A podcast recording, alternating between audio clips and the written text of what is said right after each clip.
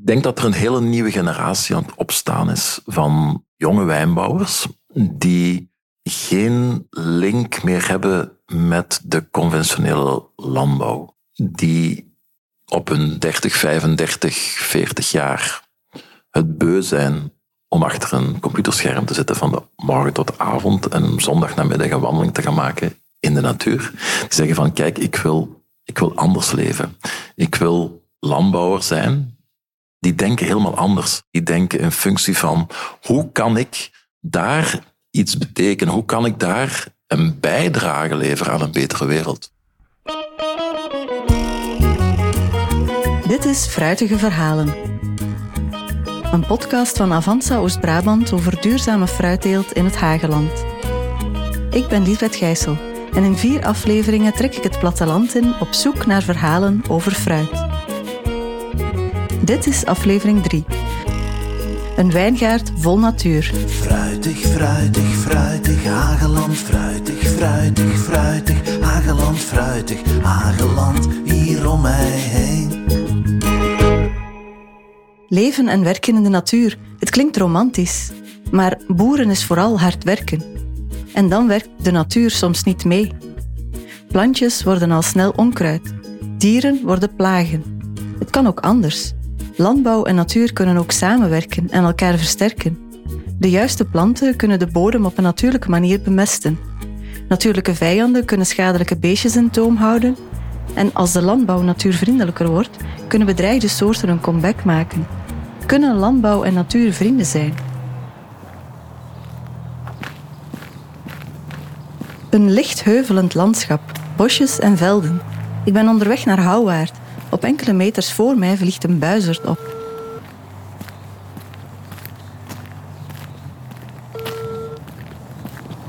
Patrick?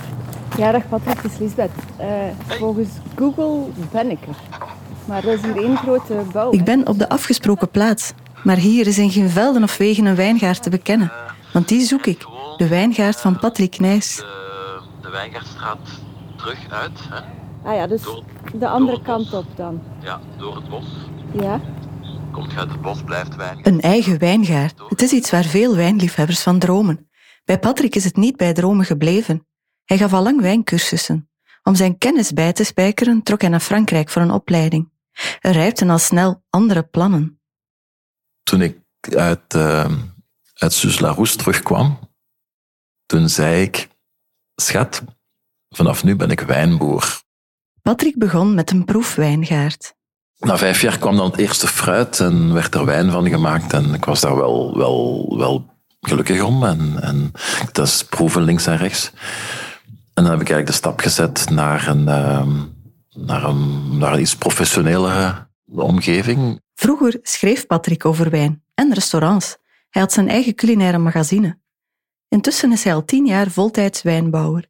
Hij is een van de vele Vlamingen die wijnbouw ontdekken. Dertig jaar geleden was die in Vlaanderen nogthans op sterven na dood. Er was nog maar één wijndomein, in Limburg. Vandaag zijn er meer dan honderd wijnbouwers in Vlaanderen. We pikken een oude traditie weer op, die wat verloren was gegaan. En door de klimaatverandering wordt Vlaanderen ook meer geschikt om druiven te telen. Patrick begon met een wijngaard in Mazeik, maar trok enkele jaren geleden ook naar het Hageland. Hij heeft nu twee hectare wijngaarden, goed voor 10.000 flessen wijn per jaar. Zijn belangrijkste wijngaard ligt in Houwaard. Het Hageland is super interessant, omdat we daar uh, hele mooie hellingen hebben, bestaande uit ijzerzandsteen. En ijzerzandsteen geeft heel veel karakter aan de wijn, geeft heel veel identiteit aan de wijn. IJzerzandsteen creëert een aroma dat we ook wel uh, noemen. Dat is letterlijk vertaald in het Grieks de geur van stenen. Dat is een, um, een bepaald aroma dat een beetje doet denken aan de geur van regen op een, op een zomerse, zomerse avond. Het Hageland heeft dus een bijzondere bodem en die moet je goed soigneren. Dat probeert Patrick door de natuur zoveel mogelijk haar gang te laten gaan en de biodiversiteit te stimuleren. Ik heb het um, principe van een niet getilde bodem uh, probeer ik zoveel mogelijk te hanteren. Dus dat betekent dat je je bodem met rust laat. En uw druivelaar, die daarin groeit en zijn wortels ontwikkelt, die gaat daar zijn, zijn evenwicht ook in vinden. Die gaat echt symbiose gaan vinden met die bodem. Er is een heel netwerk in die bodem van allemaal schimmels die zorgen dat die voedingsstoffen bij die wortels terechtkomen. Een netwerk van schimmels, gezonde bacteriën en veel voedingsstoffen. Over een gezonde bodem waar niet geploegd wordt, hadden we het al in de vorige aflevering, toen het ging over permacultuur. Maar als landbouwers niet ploegen, krijgen ze wel meer last van onkruid.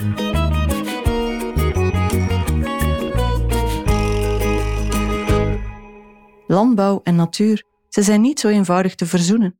Daar weet Sanne Govaert alles van. Ja, ze moeten die zaal ook ging niet naar kleuren. Ze ontvangt mij in de gebouwen van Natuurpunt. Dat is de woestijn en daar is de zee. Omdat het Ah, een echt? blauwe grond is. En hier, eh, hier is het groen en dat is dan het moeras. Ik loop ook hier een beetje verloren, samen met Sanne. Het is even zoeken naar het juiste lokaal, met de juiste naam en de juiste kleur van vloer. Sanne is bioloog en ruilde vorig jaar het wetenschappelijk onderzoek in voor een job bij Natuurpunt als coördinator van het project Boer zoekt natuur, natuur zoekt boer. Het project wil landbouwers en natuurbeschermers dichter bij elkaar brengen. Ik heb zelf een, een hele groene achtergrond, om het zo te zeggen. Ik vond dan ook ja, super interessant, inspirerend om daar nu uit te breken en in contact te komen met mensen met andere visies en veel bij te leren over landbouw. Ik heb heel veel respect eh, voor landbouwers, want dat is een harde stiel. Een harde stiel, waarbij land- en tuinbouwers vaak strijden tegen de natuur. Te nat, te droog, ziektes, plagen, onkruid, een uitgeputte grond. Vandaag, eh, het hangbare landbouwmodel, dat is erop gericht om eh, de natuur te controleren. Terwijl er bestaat ook een andere manier van aan landbouw doen, dat is zoveel mogelijk samenwerken met die natuur en die bestaande ecologische processen. Door niet te ploegen verstoor je het bodemleven niet. Je kunt dat bodemleven ook verrijken door compost toe te voegen of door te werken met groenbemesters. Zo heb je minder nood aan kunstmest. Ook Patrick brengt organisch materiaal aan op zijn wijngaarden. Het snoeihout en de schilletjes en steeltjes van de geoogste druiven worden in de wijngaard uitgestort. En tussen de wijnranken staan tientallen planten en kruiden, die onder meer dienen als groenbemesters. Onze bodem is eh, volledig bedekt met eh, grassen, met kruiden, met eh, bloemen, omdat dat ten eerste het organisch materiaal is voor de toekomst. Langs de andere kant is dat ook een, een buffer voor lange periodes van, van regen. Dat is een heel andere manier van denken dan zien dat uw stok, uw wijnstok, kaliumtekort heeft en een zak kunstmest gaan halen en twee weken later denken dat het probleem opgelost is. Het is structureel aan uw bodem werken en op, een, op lange termijn denken in functie van wat de plant nodig heeft. Patrick wijst me de planten aan die tussen zijn wijnranken staan. Het rode klaver, dat is dus waarschijnlijk omdat die van vorig jaar terug uitschiet. Dus dat is eigenlijk als groenbemester een Ja, ja dat zorgt, eh, dat haalt Al die kruiden en planten hebben ook nog andere functies. wikken, bonte Ah, ja. wikken. Dus die nemen heel veel water op. Facelia en raapjes zorgen ervoor dat het regenwater makkelijk in de bodem dringt. Tagetes houden aaltjes onder controle. Dit is eh, heel fijn, dat is eh, een boerenworm. En Patrick is vooral trots op de wilde venkel tussen zijn wijnranken. Wilde venkel eh, geeft dropachtige aroma's. Eh, die wortels zitten op een of andere manier in symbiose met uw plant. En als onze, onze rode wijn, als die veroudert, dan merken we dat daar die dropachtige aroma's in naar boven komen. Gesproeven? Al die bloemen en kruiden zorgen ook voor veel leven in Patrick's wijngaard. En dat is helemaal de bedoeling. Spinnen, vleermuizen, oorwormen, lieve heersbeestjes. eh, Het krioelter van de, van de insecten.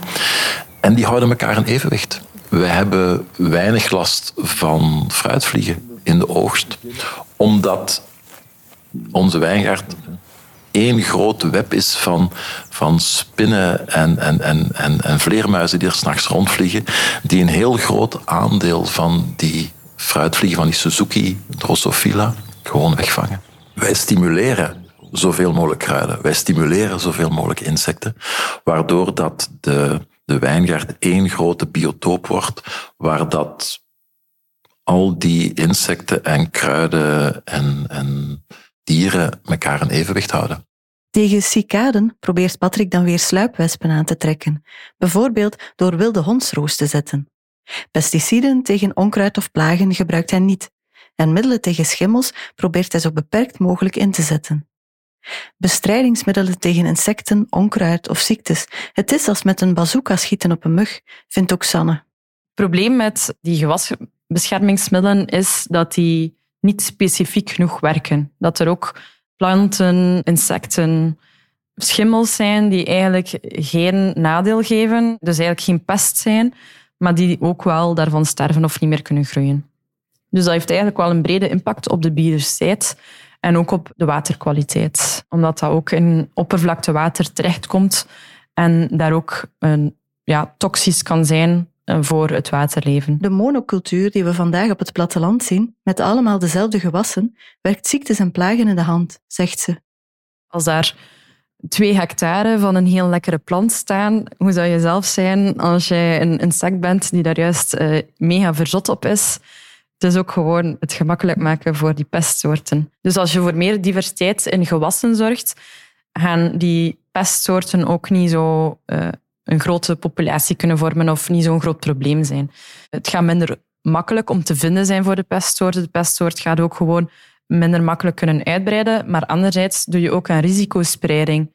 Want als je maar één soort hebt en die is heel gevoelig, eh, denk maar aan aardappelen die gevoelig zijn aan schimmels, en je hele teelt heeft het zitten, ja, dan is dat een groot probleem. Terwijl als je niet alleen aardappelen had, maar ook nog andere gewassen, die misschien wel elk hun eigen gevoeligheid hebben, maar zullen hopelijk niet allemaal op hetzelfde moment eh, aangetast worden door pestsoorten, dan zit daar ook een veel minder groot risico in. Meerdere gewassen of soorten zetten, aan risicospreiding doen. Ook dat hebben we al gehoord in de vorige afleveringen van deze podcast. Patrick doet het ook in zijn wijngaarden. In elke wijngaard zijn, zijn minstens tien verschillende uh, druiven, variëteiten aangeplant. En als het echt allemaal tegen zit, heb je nog altijd die variëteiten die dat jaar veel minder uh, gevoelig waren voor de omstandigheden. En als je weggaat van die monocultuur en probeert om de dingen door elkaar aan te planten.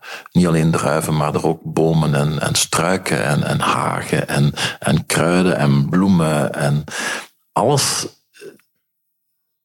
Alles is met elkaar in evenwicht. Zo moet je minder spuiten en dat komt de natuur ten goede. Meer natuur kan voordelen opleveren voor de landbouw, maar de kennis daarvan ontbreekt vaak, vindt Sanne. Bij ja, de de meeste landbouwopleidingen wordt er ook niet zoveel uitgelegd over de ecologie in het algemeen of ecologie van de bodem. Um, en hoe je dat, je dat zou kunnen gebruiken om daarmee samen te werken in plaats van het enkel te willen controleren. En um, ja, dat is heel jammer. Hè? Maar ook bij natuurliefhebbers schorst het aan kennis. En anderzijds weten veel natuurliefhebbers niet altijd uh, wat het is om een, om een landbouwbedrijf te runnen, hoe, hoeveel administratie dan een landbouwer bijvoorbeeld heeft, of dat dat niet evident is voor een landbouwer, of waarom dat technisch, technisch iets niet mogelijk is, of hoe dat heel de wetgeving in elkaar zit. Door dat gebrek aan kennis praten de mensen ook wel naast elkaar. Dat zorgt voor polarisering. En daar willen Sanne en haar collega's bij de Landbouwersvereniging Algemeen Boerensyndicaat iets aan doen. Met het project Natuur zoekt boer, boer zoekt natuur ons doel is om, meer respect en wederzijds begrip tussen landbouwers en natuurbeschermers, eh, om, om dat te realiseren. Dat doen ze door ontmoetingsmomenten te organiseren. Boeren en natuurliefhebbers hebben eigenlijk een gezamenlijk doel, zegt Sanne. De strijd voor de open ruimte. Dus uh, er is niet zoveel open ruimte meer in Vlaanderen. Een derde van Vlaanderen wordt ingenomen door tuinen, uh, gebouwen, straten, industrie. En slechts twee derde daarvan is echt nog open ruimte, dus voornamelijk landbouw en natuur. En daar verdwijnt elke dag een beetje meer van. Eigenlijk zouden landbouw en natuur samen moeten vechten voor het beschermen van die open ruimte. En niet alleen voor gewone open ruimte, maar voor natuurlijkere open ruimte. Als we de natuur willen behouden, moet die ook welkom zijn in landbouwgebied. We gaan niet genoeg hebben met de de natuurreservaten die vandaag de dag zijn afgebakend. Daar gaat onze natuur niet van overleven.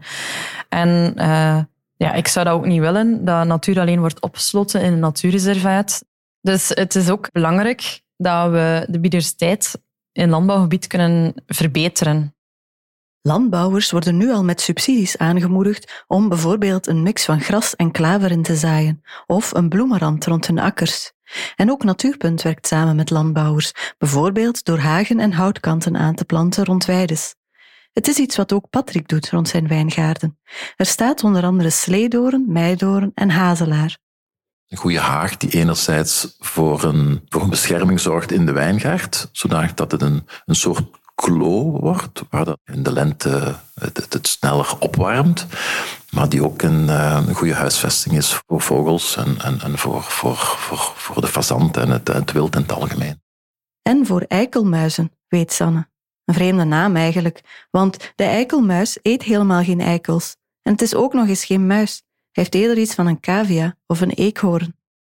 We noemen dat een slaapmuis. Die er trouwens super schattig heeft. heeft zo'n grote uh, pluizige staart. Het zijn slaapmuizen omdat zij uh, een winterslaap doen in de winter.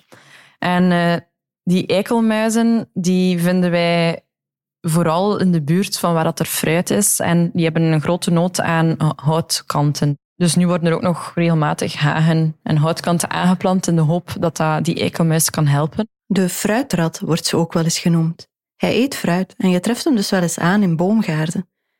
Ook in een wijngaard is fruit in overvloed, maar eikelmuizen is Patrick nog niet tegengekomen. Dat is niet zo verwonderlijk, want het beestje is heel zeldzaam geworden. Maar er zitten wel andere dieren in de wijngaard. De fazant die elk jaar wel een aantal nesten heeft. Als ik met de auto toekom, dan staat de fazant mij vaak op te wachten. En dat is zijn wijngaard. Die gaat niet aan de kant. Elke wijngaard heeft zo zijn eigen vogelpopulatie.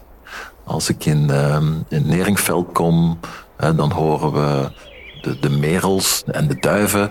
Kom ik de dag nadien op de Kratenberg, dan hoor ik daar de, de meesjes en de roodborstjes. Ik heb zo ooit een, uh, via mijn gsm zo het geluid van een roodborstje in de wijngaard gedaan. Dat is hallucinant hoe dat heel de buurt daarop reageert. Want plots is er een indringer die ze niet kennen.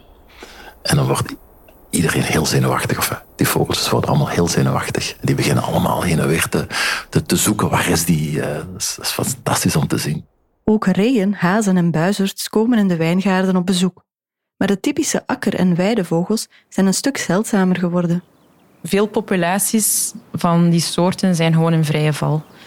Denk maar aan de kievit. De meeste mensen kennen de kievit wel. Die maakt van die ja, vind dat wel echt spectaculaire balsvluchten met zo'n grappig geluidje in de lente. Kievit was ooit een super algemene vogel en zelfs nu heeft zelfs de kievit het al echt moeilijk. Ook de grutto, de wulp, de grauwe gors, de patrijs en de veldleeuwerik zijn sterk achteruit gegaan. De landbouwpercelen zijn groter en schoner geworden. Er zijn geen rommelige of natuurlijke hoekjes meer. Kieviten broeden op akkers, maar tractors rijden over hun nesten. Ook het gebruik van bestrijdingsmiddelen heeft nadelen voor vogels, want daardoor gaan insecten dood. Insecten die zij nodig hebben als voedsel. Ook bloemen staan er steeds minder op onze akkers en dat heeft weer gevolgen voor de bijen.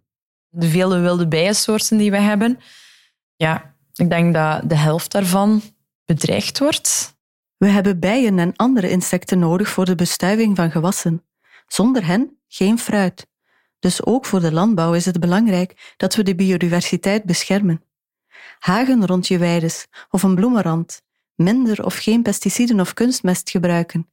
Het zijn nobele ideeën, maar een boer moet natuurlijk ook leven van zijn land. Is natuurlijk boeren rendabel genoeg? Patrick werkt niet 100% biologisch, maar hanteert wel veel natuurlijke methodes. Hoe denkt hij hierover? Ik ben niet overtuigd dat op een natuurlijke manier of op een biologische manier werken, dat dat minder opbrengst geeft. Ik denk dat het misschien zelfs omgekeerd is. Met de natuur samenwerken geeft juist voordeel, zegt Patrick. Hij geeft de zomers van 22 en 21 als voorbeeld. Herinner je die zomer van 22? Ontzettend droog, met hittegolven waarbij we de 40 graden overschreden. Die van 21 was het tegenovergestelde, koud en voortdurend regen. Twee extreme, maar volgens Patrick maakt het weinig uit voor zijn druivenoogst. Ik denk dat dat te maken heeft met het feit dat mijn bodem op punt staat. Ik zie weinig verschil in mijn fruit. In de dikte van het fruit, de manier waarop de plant water opgenomen heeft, de kwaliteit van het fruit. De opbrengst is voor Patrick dus geen probleem. Maar uit de kosten geraken is nog een andere zaak. Onze loonkosten, onze huur, eh, onze, ons, ons land, eh, machines zijn, zijn allemaal, allemaal duur. En natuurlijk werken kan ook meer risico's geven. Als je uh, u probeert onder te dompelen in de natuur, dus, dus met de natuur meedenkt en probeert deel uit te maken van de natuur, gaat je ook mee met de grillen van de natuur. De veerkracht van uw wijngaard is wat dat ze is. En het is het vertrouwen in de, de, de manier waarop de wijngaard reageert, de manier waarop de insecten in de wijngaard reageren en de tijd dat je daaraan geeft. Want je ziet cicades en je denkt van, oei, er is een probleem. Die sluipwesp die is daar niet onmiddellijk. Die heeft tijd nodig om dat te vinden en zijn vriendjes, bij zo'n spreken, te gaan vertellen van er zijn veel larves van cicades, daar moeten we zijn. Dat vertrouwen moet je hebben. En die tijd moet je geven. En die schadedrempel, dat, die moet je aanvaarden. En ik denk dat dat de grote uitdaging is. Het is de reden waarom Patrick sterk aan risicospreiding doet. Hij heeft meerdere wijngaarden op verschillende locaties en zet meerdere soorten druiven. Hij heeft ook ander fruit en maakt naast wijn ook cassis en cider. Hij geeft wel toe, als wijnbouwer heb je het minder moeilijk dan wanneer je pakweg aardappels, peren of suikerbieten teelt. Want wijn is meer dan vergist druivensap. Als ik straks pannenkoeken ga bakken en ik trek een zak suiker open, dan heeft dat weinig te maken met de plaats waar dat die suikerbieten gestaan hebben en de boer die dat, dat geteeld heeft. Dat is een industrieel product. Dat is, dat is een... Um, dat is een heel, andere, heel ander probleem. Dus het is voor een wijnbouwer veel makkelijker, denk ik, om de idee van identiteit en locatie en oogstjaar en variëteit en, en plaats en signatuur van de wijnmaker, om heel die cultuur, om die uit te spelen in meerwaarde. Die maakt dat mogelijk om daar een uh, eerlijke prijs voor te vragen, die zijn activiteit rendabel maakt. Patrick had natuurlijk ook zijn contacten met de restaurants van zijn tijden als culinair journalist. Zijn wijnen worden intussen geserveerd in toprestaurants en hij sleept een prijzende wacht voor beste Belgische rode wijn. Hij heeft ook een winkel in het centrum van Antwerpen. Daar wordt trouwens zijn wijn ook gemaakt. Tijdens ons gesprek zitten we naast de vaten en horen we ze af en toe borrelen. De geluiden van de straat en van de stad dringen binnen. Een winery in het toeristische hart van Antwerpen, dat is goed voor de klandizie. En Patrick geeft ook cursussen en zijn vrouw heeft een andere job. Er zijn dus andere inkomsten om op terug te vallen als de oogst tegenvalt of de prijzen instorten. We hebben natuurlijk twee jonge kinderen. Dus de verantwoordelijkheid in dit project van mijn vrouw is enerzijds een vast loon dat ze heeft, en anderzijds mij de vrijheid te geven om om 12 uur s'avonds thuis te komen. En geen zorgen te hebben dat de kinderen gewassen, geëten en in bed liggen.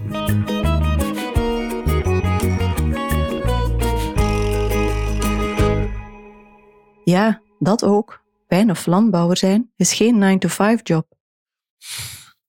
Soms is dat wel... Soms denk je, waar ben ik mee bezig? Je bent, je bent 80 uur per week bezig en je hebt een, uh, ja, je hebt een hoog risicoprofiel. Uh, gigantisch veel investeringen. Hele lange return. 10, 12 jaar. Landbouw is een harde stiel. Sanne zei het ook al. En veel boeren krijgen geen eerlijke prijzen voor hun producten, of ze nu met respect voor de natuur werken of niet. Er gaan wel veel subsidies rond in de landbouw, maar die zouden anders gebruikt kunnen worden, vindt Sanne.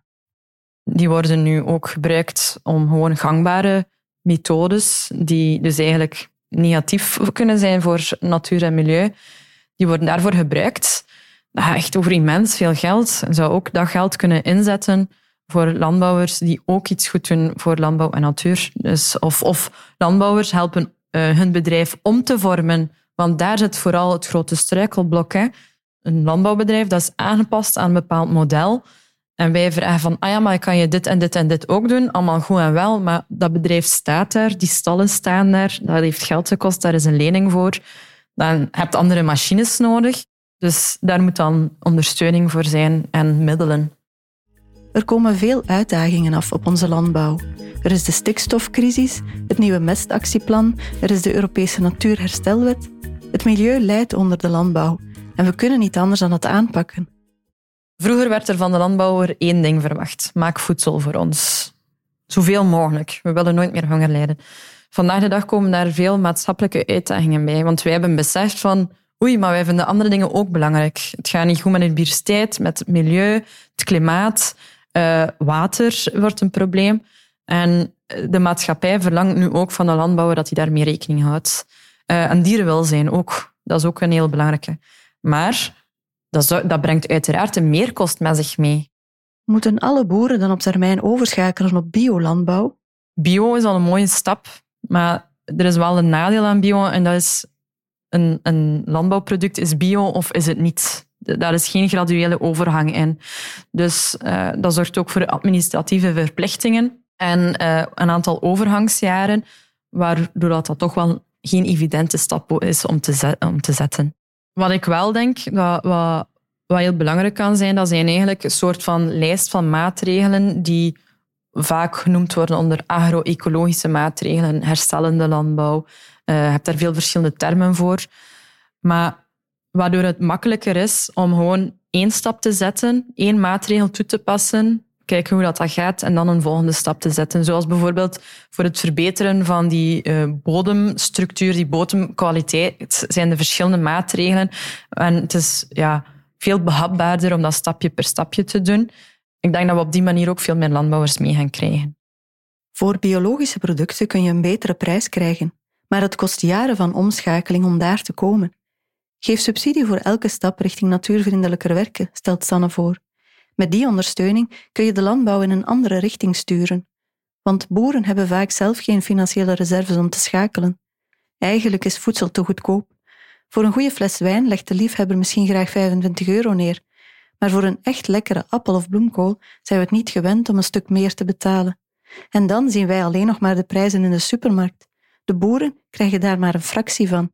Veel landbouwers die krijgen gewoon geen eerlijke prijs voor voedsel. En we hebben wel uh, fairtrade-merken van voedsel van andere continenten, maar van eh, voedsel dat in eigen land wordt geproduceerd, hebben we dat eigenlijk bijna niet.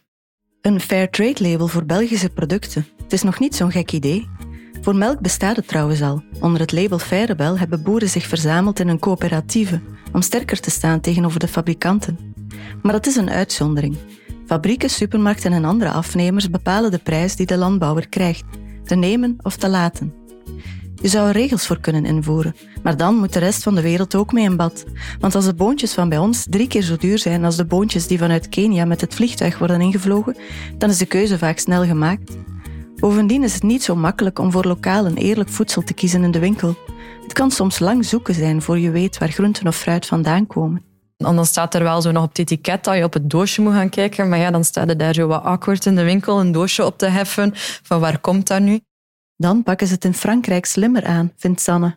Als je de winkel binnenkomt, kom je eerst in een, in een, een rayon een, waar dat er enkel Franse producten, meestal zelf echt alleen van die regio, zo chauvinistisch zijn ze. En dat zou, zouden onze winkels ook kunnen doen. Hè. Ze zouden daar een grote rol in kunnen spelen. En zelf niet alleen van waar dat het komt, maar ook van hoe dat het geproduceerd is. Want bio-tomaatjes in de winter, dat die veel minder duurzaam zijn dan een niet-bio-pastinaak die wel in dit seizoen hoort. Ja, die tomaten komen ook uit Serres. Ze zijn misschien wel biologisch geteeld, maar, maar zolang dat het aanbod er is, gaan mensen het kopen. Hè. Tomaten en aardbeien in de winter boontjes uit Kenia en kiwis uit Nieuw-Zeeland. De klanten kopen ze, dus moeten wij ze blijven aanbieden, klinkt het vaak bij de winkels. Je zou die redenering ook kunnen omdraaien. Zolang die aardbeien er met kerst liggen, zullen we ook verleid worden om ze te kopen. Of maak tenminste aan de klanten duidelijk welke producten lokaal, duurzaam en van het seizoen zijn. Zo wordt het veel makkelijker om milieuvriendelijk te eten. En milieuvriendelijk telen? Patrick voelt dat er wat beweegt, zeker bij wijnbouwers.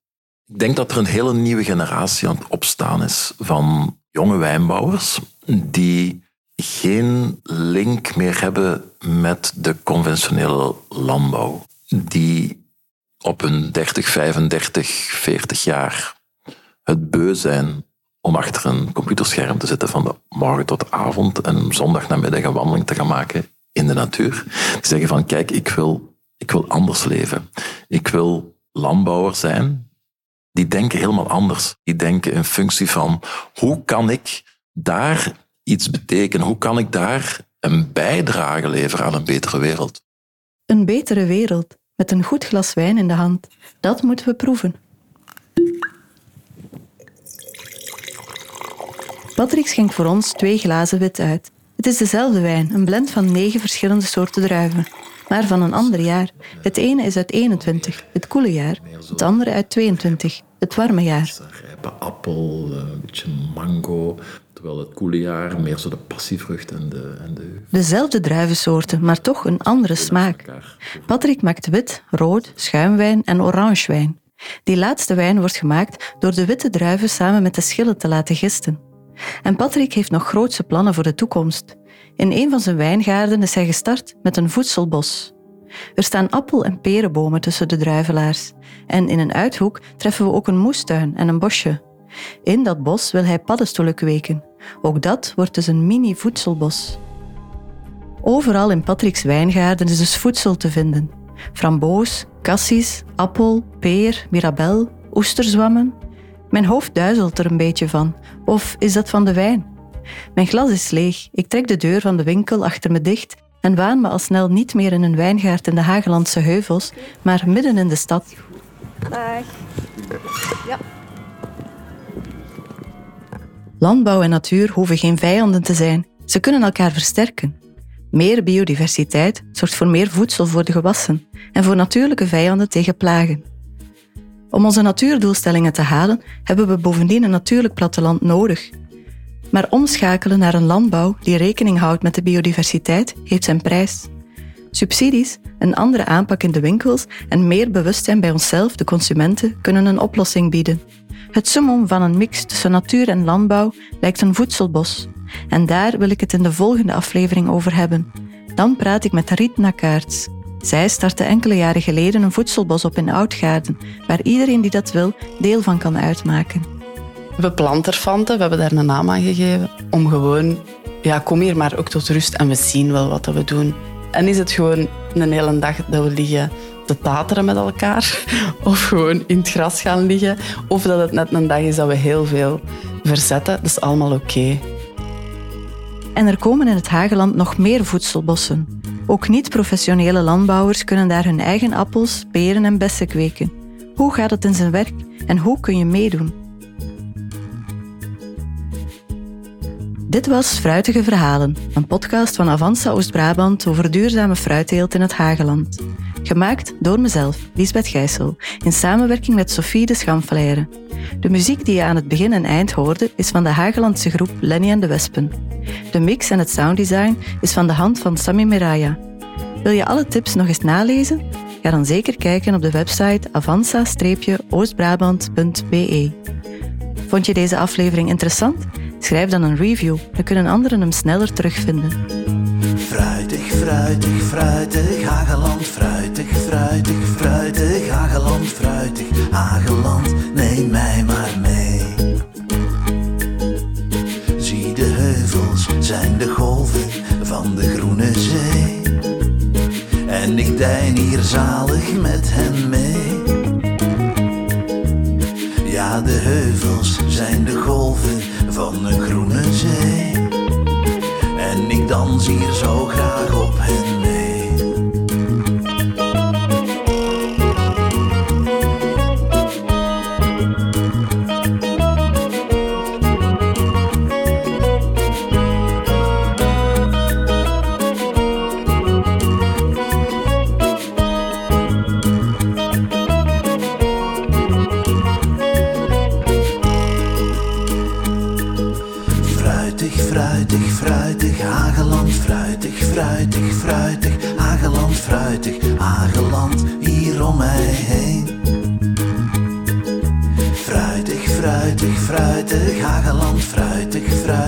fruitig, Hageland fruitig, Hageland, neem mij maar mee. Appels, bessen, peren, druiven, proef de Hagelandse wijn. Perzik, krieken, kersen, pruimen, laat de wereld fruitig zijn. Appels, bessen, peren, druiven, Hagelandse heerlijkheid. Perzik, aardbei, kersen, pruimen, laat de wereld zoeter zijn.